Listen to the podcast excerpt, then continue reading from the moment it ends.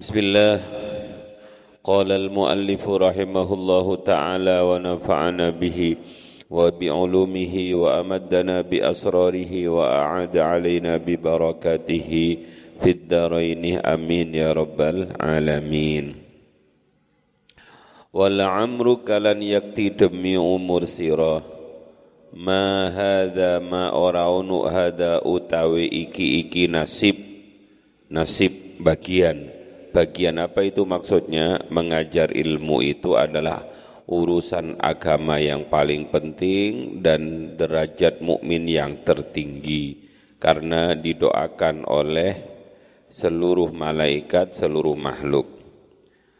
Ma ora ono hada utawi iki-iki bagian iku illa nasibun kecoba bagian jasimun kang agung karena wa anna nailahu la fauzun adim. Wa anna nailahu lan sak temani memperoleh memperoleh hadza iku la fauzun yakti keberuntungan adimun kang agung. Tidak semua orang ditakdir oleh Allah menjadi guru tidak semua orang dipilih oleh Allah menjadi orang alim yang mau mengajarkan ilmunya. Yang kemarin Abah bilang itu, seluruh manusia itu gimana? An-nasukulum halaka itu loh. Seluruh manusia itu celaka kecuali orang alim. Alim itu tidak semua orang bisa.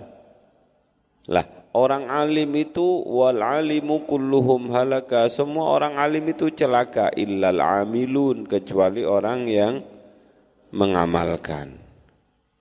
Ya mengamalkan ilmu itu salah satu mengajarkan ilmu. Tidak semua orang ditakdir orang alim. Orang alim tidak semua ditakdir mau ngajar. Maka al alim al amil itu adalah luar biasa terakhir ditambah dengan al-mukhlisun. Maka itu adalah illa nasibun jazimun wa anna nailahu la fauzun azim dan memperolehnya merupakan keberuntungan yang besar. Tidak ada keberuntungan yang lebih beruntung dibandingkan orang yang dipilih oleh Allah sebagai penyampai ilmu-ilmunya Rasulullah. Karena itu adalah apa ya kepanjangan tangan dari baginda Rasulullah sallallahu alaihi wasallam. Nah, wa uh, makanya di sini ada doa Allahumma la tamna'na 'anil ilmi bimani'in wala Allahumma duh Gusti kita Allahumma duh pangeran kula la tamna' ampun nyegah panjenengan na ing kula. Anil ilmi saking ilmu. Anil ilmi saking ilmu bimani'in kelawan perkara kang nyegah. Langsung. Wa na'udzu bika lan nyuwun perlindungan sapa kula bika kelawan panjenengan min qawati'ihi saking pira-pira perkara kang mutus ilmu. Wa muqaddaratihi lan pira-pira perkara kang ngotori ilmu. Wala ta'kina lan ampun ngalang-ngalangi panjenengan anhu saking ilmu bi'aikin. Wala ta'kilan ampun ngalang-ngalangi panjenengan na ing kita anhu saking ilmu bi'aikin kelawan halangan. Wa na'udzu lan perlindungan sapa kut kita bika kelawan panjenengan. Min qawati'ihi saking pira-pira perkara kang mutus ilmu. Wa mukaddaratihi lan pira-pira perkara kang ngotori ilmu wa mujibi hirmanihi lan pira-pira perkara kang majibake terhalangi ilmu wa fawatihi lan pira-pira kang ngepotake ilmu doanya Mbah Hasim ini ya Allah jangan kau halangi kami dengan penghalang apa pun dari memperoleh ilmu. Dan ya Allah kami mohon perlindungan kepada panjenengan satu min qawati'ihi dari hal-hal yang memutuskan kami dari ilmu. Yang kedua wa mukaddaratihi dan hal-hal yang mengotori ilmu wa mujibi hirmanihi dan hal-hal yang akan menjadikan kami terhalang dari ilmu dan yang terakhir Bahasim memohon ya Allah mohon kami mohon perlindungan kami dari fawatihi terlewatkannya ilmu ini harus memohon kepada Allah. Jangan sampai kita terhalangi dari ilmu. Dan kalau sudah punya ilmu jangan sampai ada perbuatan-perbuatan yang mengotori kesucian ilmu. Dan jangan sampai kita terhalang dari ilmu dan terlewatkan dari kesempatan mencari ilmu. Wasani utawi adab kang kaping pindho alla yamtani'ah yen to ora. Nyegah sopo sopo alim. An ta'limit talibi saking pelajari santri tolib. Saking pelajari pelajar atau santri. Li'adami khulusi niyatihi krono ora anani murnini niati tolib apa maksudnya nak? Jangan murid itu tidak diterima gara-gara murid itu belum ikhlas. Jadi awal-awal pesantren itu enggak boleh kamu tes keikhlasan. Pancene gurung ikhlas mereka. Ah, mereka datang sudah tidak apa-apa, niatnya gak benar gak popo. Kalau kalian setiap yang mau mondok dites keikhlasannya, pasti nggak ada yang lolos. Karena mereka belum tahu faedahnya ikhlas, belum tahu bahayanya kalau nggak ikhlas. Tidak apa-apa, mondok tujuannya lapo sampean mondok. Aku pingin mondok ben kakiku putih. Hmm. Lapo sampean pengen mondok ben mukaku bersih. Lapo sampean mondok ben jidatku ireng. Lapo sampean mondok, waduh di, di rumah itu di rumahku di desaku itu kalau orang dari pondok itu golek istri itu cepet. Lapo sampean mondok ben diambil mantu oleh Pak tetangga kulo. Nah, gak apa-apa ben Lapo sampean mondok ben ngene ben ngene ben ngene ben ngene terima naik kabeh, terima, terima. Kenapa? Maklum mereka belum ikhlas. Maka di sini tidak boleh seorang alim itu menghalang-halangi murid belajar karena murid belum ikhlas. Ya tugasnya Pak Yai itu mengikhlaskanmu murid, menjadikan hatinya yang kotor bersih, niatnya yang kurung ikhlas menjadi ikhlas. Makanya kadang-kadang lapo munduk sampai golek ijazah ben awal-awal gak apa-apa golek ijazah. Nanti baru sedikit-sedikit diterangkan tentang bahayanya tentang hebatnya orang ikhlas. Basyiron wa nadiron. Jadi konsepnya dalam pesantren itu basyiron wa nadiron. Beri kabar gembira bahwa orang ikhlas itu pahalanya ngini ngini ngini ngini. Orang ikhlas itu derajatnya ngini ngini ngini. Eh disenang-senang nyose baru belakangnya dikasih keterangan nek ikhlas itu ngini ngini ngini ngini Nah, sehingga dia kemudian memilah kalau saya ikhlas seperti ini, kalau saya enggak ikhlas seperti ini. Nah, akhirnya doakan yang terakhir, ya Allah mudah-mudahan setoyo murid-murid kulo didatosaken tiang-tiang engkang ih, ikhlas. Itu konsep pesantren. Fa inna husnan niyyati kata Mbah Hashim kenapa tidak boleh ditolak? fa inna husnan niyati krono sak temani bagus niat iku marjuun perkara kang den arep-arep bibarakatil ilmi kelawan barokai ilmu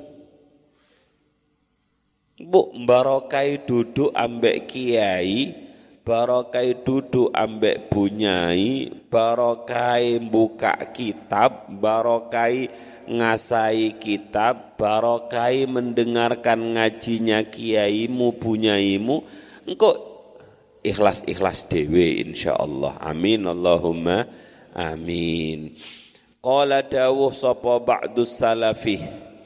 Qala dawuh sapa ba'dus salafi sebagiani ulama salaf. Talabna al-ilm, talabna al-ilmah. Nah, ini kalau diajari nahunya enak ini. Talabna al-ilmah. Talabna nyupri sapa kita al-ilma ing ilmu li ghairillahi kronu sakliyani Allah. Kami mencari ilmu itu awalnya bukan karena Allah. Fa'aba mungkombang kang moh opo al ilmu ilmu ayyakuna ing yen onu opo ilmu iku illa lillah angin krono Allah. Ilmu sendiri itulah yang kemudian menjadikan kami menjadi lillah. Jadi awalnya li ghairillah tapi ilmunya kemudian menyeret orang itu menjadi lillah. Kila mungkodin tangkoni, kila mungkodin ucapake, maknahu maknahu utawi maknani kila kila den kila den katakan opo maknahu maknahu utawi maknani. Talabnal ilma ila akhirih fakana mungko onu opo akibatuhu pungkasani ilmu iku ansoro yakti dadi iku ansoro yento dadi yento dadi opo ilmu lillahi krono Allah Maksudnya apa? Di awal bisa saja dia tidak lillah, tapi karena barokah ilmunya kemudian menjadi lil lillah. Wali anna lan kronu wali anna ikhlasan niyati. Lan kronu sak temani ikhlase niat lau syurita lamun din syaratake opo ikhlasun niyah. Fi ta'limil mubtadi'ina. Fi ta'limil mubtadi'ina ing dalam pelajari piro-piro murid kang kawitan ma'a usrihi sertani angile ikhlasun niyah ala kathirin ing ngatasi mayoritas minhum saking mubtadi'in. La adda mongko yakti nekaake apa mengkunu mengkunu syarat ila tafwitil ilmi marang pote ilmu. Ala kathirin ingatasi mayoritas minan nasi saking menungso. Logikanya begini, kalau ikhlas niat itu dijadikan syarat dalam belajar bagi santri-santri pemula, pelajar-pelajar pemula, padahal ikhlasnya niat itu adalah angel. Yang lama mundok saja belum tentu ikhlas ya. Jangankan yang lama mundok, yang lulusan pondok saja belum tentu ikhlas. Naik lagi kiainya saja belum tentu ikhlas. La kondilalah awal-awal mundok syarat deteksi keikhlasan.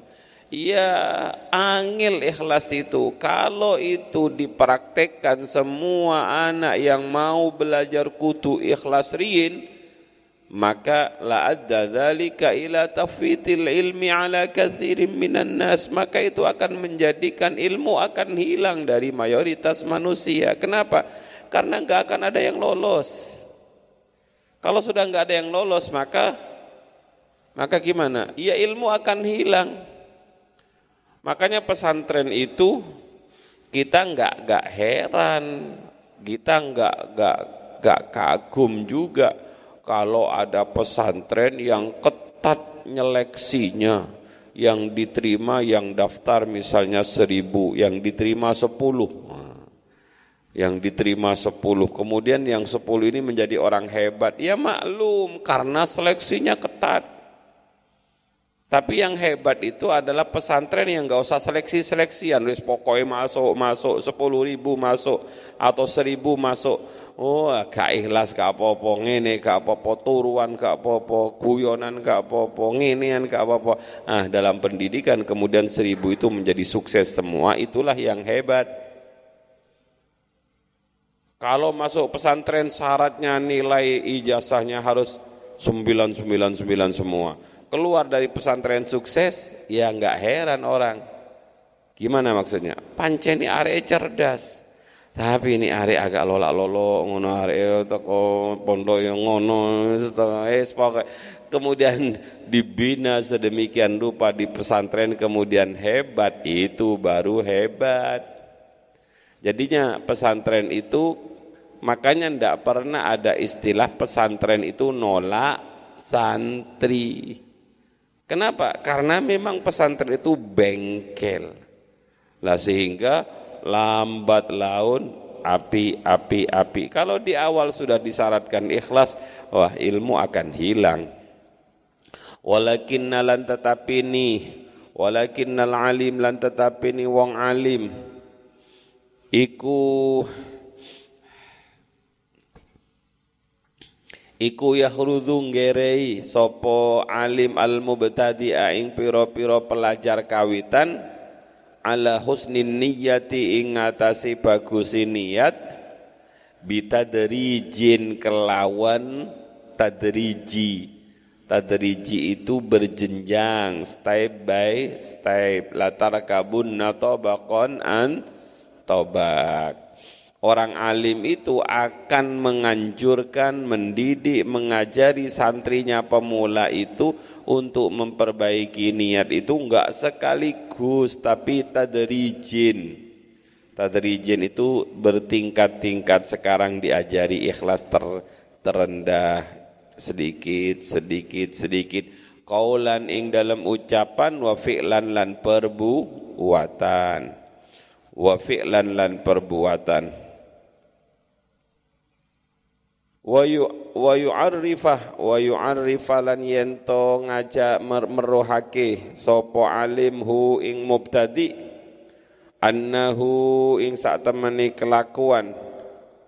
Bi barakati husnin niyati sebab barokai ap sebab barokai api niat sebab barokati barokai bagus niat yana lumungko memperoleh sopo mubtadi ar-rutbata ing pangkat derajat al-aliyata kang luhur minal ilmi saking ilmu wal amali lan amal wa faidil lataifi lan nyumam lan mengaliri piro-piro anugerah kang samar anugerah kang rahasia.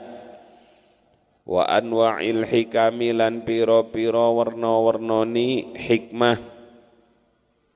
Wa tanwiril qalbi lan bercahayanya hati. Wansyirahi sadri lan jembari dada wa isabatil haqqi lan ngenani kebenaran. Wa husnil hali lan tingkah. Wa tasdidi lan kebenaran. Sadid bukan shin sadid.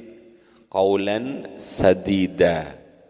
Kata-kata yang benar. Wa tasdidi lan kebenaran. Fil maqali ing dalem fil maqali ing dalem ucapan wa uluwid darajati lan luhuri piro-piro derajat yaumal qiyamati ing dalem dino kiamat lah tugasnya orang alim itu memberitahu muridnya bahwa husnin niyah bagusnya niat itu luar biasa barokahnya. Dengan keberkahan niat yang bagus, maka murid akan mendapatkan satu derajat yang tinggi dalam hal ilmu dan amal dia akan memperoleh anugerah-anugerah yang lembut.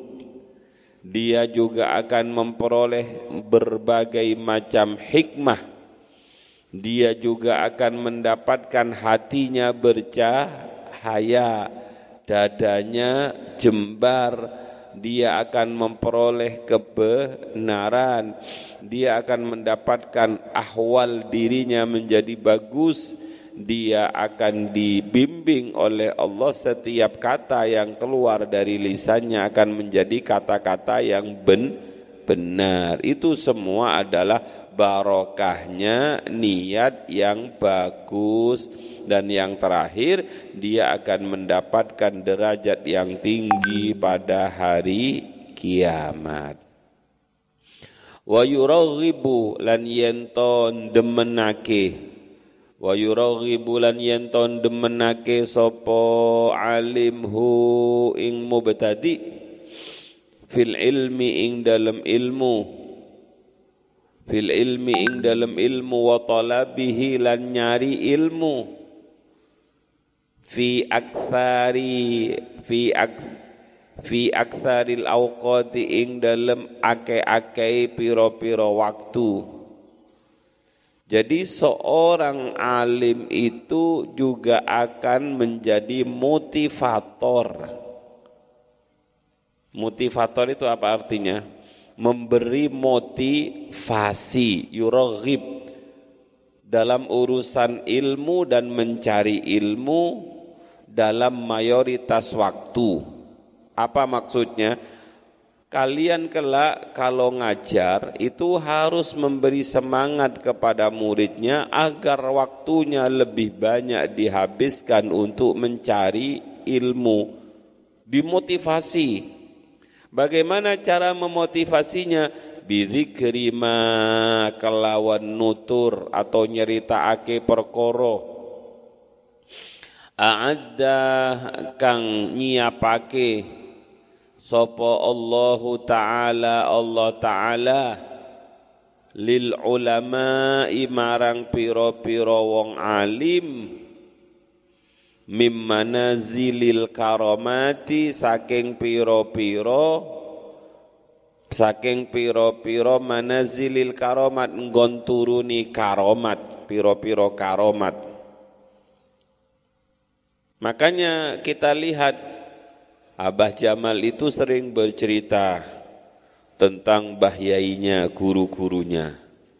Bercerita tentang karomahnya Mbah Baidawi, bercerita tentang karomahnya Mbah Yai Mansur, bercerita tentang hebatnya Mbah Wahab, bercerita tentang hebatnya Mbah Fatah, bercerita tentang kemuliaan-kemuliaan yang diterima oleh Mbah Yai Jalil. Cerita-cerita seperti itu memberi motivasi kepada murid-murid agar mereka juga melakukan hal yang sama yang dilakukan oleh kiai-kiai terdahulu. Jadi melihat kiai itu jangan melihat belakang tapi melihat di depan. Sehingga anak-anak itu termotivasi, ya terserah kalian, coba lihat ini ada seorang misalnya, ada seorang yang alim, derajatnya mulia, mulia di sisi Allah, mulia di sisi masyarakat. Katanya Mbah Yai Jamal, saya enggak punya perusahaan, saya enggak kerja di sawah, tapi apa yang mereka punya saya punya. Kenapa? Karena saya punya ilmu. Ingat, kalau kiaimu bercerita tentang dirinya seperti itu, bukan berarti kiaimu itu sedang menyombongkan diri, tapi sedang memberi motivasi. Saya itu dulu nak kalau ngaji itu begini, begini, begini. Kamu bilang, wah ria itu pamer. Lah itu tuh pamer, kalau pamer itu pada orang, tapi kalau pada murid itu namanya memberi motivasi. Saya itu punya begini, begini, begini, begini, karena dulu saya begini, begini. Itu namanya sedang memberi motivasi kepada murid-muridnya bahwa karomah kemuliaan-kemuliaan itu bisa dicapai dengan il, ilmu. Man arada dunya fa'alaihi bil ilmi wa man arada al akhirata fa'alaihi bil ilmi wa man huma fa'alaihi bil ilmi. Kalau kamu pingin urusan dunia ada ilmunya lewat ilmu. Kalau kamu pingin kehebatan akhirat ya juga ada ilmunya. Mengharapkan keduanya ya lewat ilmu. Tidak ada jalan yang lebih gampang dibandingkan jalan il ilmu sederhana. Dalam sebuah acara yang diberi kursi begini ini kursi VIP. Kira-kira siapa itu? Orang alim apa orang bodoh? Orang alim berkatnya beda. Itu urusan berkat saja itu. Berkatnya beda, tempat duduknya beda, minumnya beda, kopinya beda, dan lain sebagainya. Ada jajan piringnya. Kenapa ada begitu itu? Siapa yang mendatangkan jajan piringan seperti itu? Ada anggurnya, ada jeruknya, ada apelnya, wes. Kursi duduknya bagus, ono kopi panase. Siapa yang duduk di depan itu? Karena ilmu sementara kita duduk di belakang kadang-kadang mohon maaf ya yang di belakang nggak kebagian karena persiapan kurang mohon maaf mohon maaf Allahumma sholli ala Muhammad sekali apa-apa nang buri sudah. Nah, maka seorang kiai itu harus bisa membangkitkan semangat santrinya untuk mempergunakan mayoritas waktunya dalam hal mencari ilmu. Bidzikri ma a'addallahu ta'ala lil ulama min manazilil karamat dengan jalan menceritakan apa-apa yang Allah akan berikan kepada orang kalau orang itu alim. Kemuliaan apa yang akan diberikan di dunia dan kemuliaan apa yang akan diberikan di akhirat maka ketika Nabi Sulaiman ditanya diberi pilihan eh hey, Sulaiman kamu pingin ilmu apa pingin kerajaan? Nabi Sulaiman pilih ilmu. Kenapa? Karena dengan ilmu dia juga punya dapat kerajaan. Sayyidina Ali juga pernah kan dites karena Sayyidina Ali dibilangi oleh kanjeng Nabi bahwa Sayyidina Ali itu ana madinatul ilmi wa ali buha saya adalah kotanya ilmu. Kalau mau masuk ke kota harus lewat pintu gerbang. Dan pintu gerbang itu tidak lain adalah Sayyidina Ali. Maka begitu di, dikatakan seperti itu ingin orang apa itu?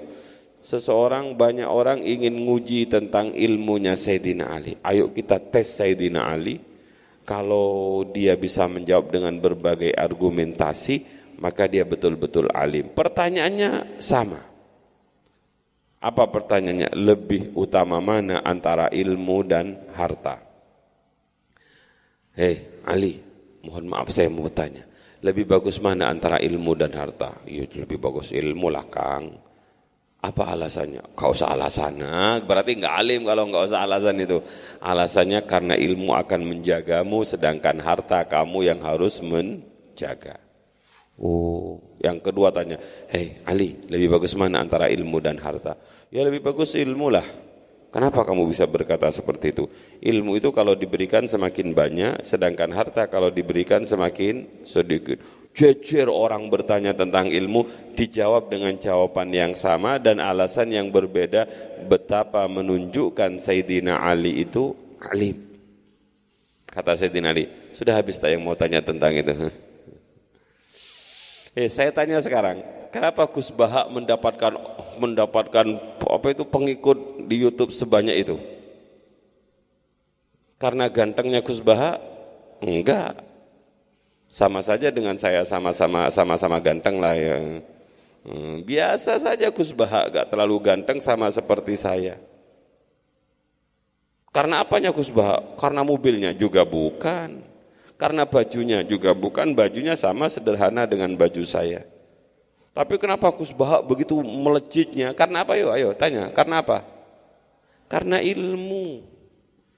Jadi kalau jalan ingin menuju lejit-lejitan, karomat-karomatan, itu karomat di dunia, karomat di akhirat apalagi, itu tidak ada jalan yang lebih indah dibandingkan lewat il, ilmu. Maka semua orang alim akan memberi pompa semangat kepada santri-santrinya untuk betul-betul serius dalam hal mencari ilmu. Nah, pada pokoknya kemudian beliau-beliau akan mengatakan fa innahum warasatul anbiya. Apa artinya nak? Fa innahum krono sak temeni ulama iku warasatul anbiya ahli waris para nabi. Eh, mana yang lebih tinggi dibandingkan ahli warisnya nabi? Enggak ada. Ojo macam-macam. Itu keturunan ini Mbah Hashim. Wah, orang enggak berani. Ojo macam-macam. Itu keturunannya Mbah Seha. Hmm. Mbah Seha ojo macam-macam sama Mbah Seha. Keturun itu adalah wa, ahli warisnya poro poro nabi. Maka tidak ada ahli waris yang lebih mulia dibandingkan menjadi ahli warisnya para nabi dan ingat nabi tidak mewarisi dinar nabi tidak mewariskan dirham nabi tidak mewariskan harta benda tapi yang diwariskan oleh nabi adalah il ilmu fa innahum warasatul anbiya wa ala manabiri wa ala manabirah wa ala manabira lan ing ngatasi pira-pira mimbar. Pira-pira mimbar. Jadi mereka para orang-orang alim itu akan ditempatkan di mimbar-mimbar min nur yang terbuat dari nur. Yughbituhum yughbituhum kang kepingin. Hum ing al ulama atau nungkepi hum ing al ulama ngelilingi sopo al anbiya upiro piro nabi wa syuhada lan piro piro wong kang uh, wa syuhada lan piro piro wong kang mati syahid. Wa syuhada lan piro piro wong kang mati syahid yughbitu itu ay husnul hal wahya ismun. Wa syuhada lan pira-pira wong kang mati syahid wa nahwi dzalika lan sepadani mengkunu-mengkunu syuhada. Mimma setengah saking mimma setengah saking perkara warada kang tumeka apa ma fi fadlil ilmi ing dalam kautamaani ilmu wal ulama ilan kautamaani pira-pira wong alim minal ayati saking pira-pira ayat wal akhbari lan piro-piro hadis wal asari lan piro-piro asar wal ash'ari lan piro-piro syair jadi bangkitkan semangat pelajar, bangkitkan semangat santrinya dengan menyebut keutamaan ilmu dan orang alim, baik itu yang diambilkan dari ayat-ayat Al-Quran seperti yarfa'illahu alladhina amanu minkum dan seterusnya, diambilkan dari akhbar, hadis-hadis Nabi, diambilkan dari athar, kaulas sahabah, diambilkan dari syair-syair. Lah kata Mbah Hasim, tutup, dakartu ba'dha dzalika fil babil awal. Wa qad dakartu lan teman-teman wis nutur ingsun ba'dha dzalika ing sebagiani mengkunu-mengkunu fadlil ilmi wal ulama ila akhirih fil babil awali ing dalam bab kang pertama. Cukup semudah mudah-mudahan bermanfaat. Saya kurang sehat. Wallahu a'lam bissawab.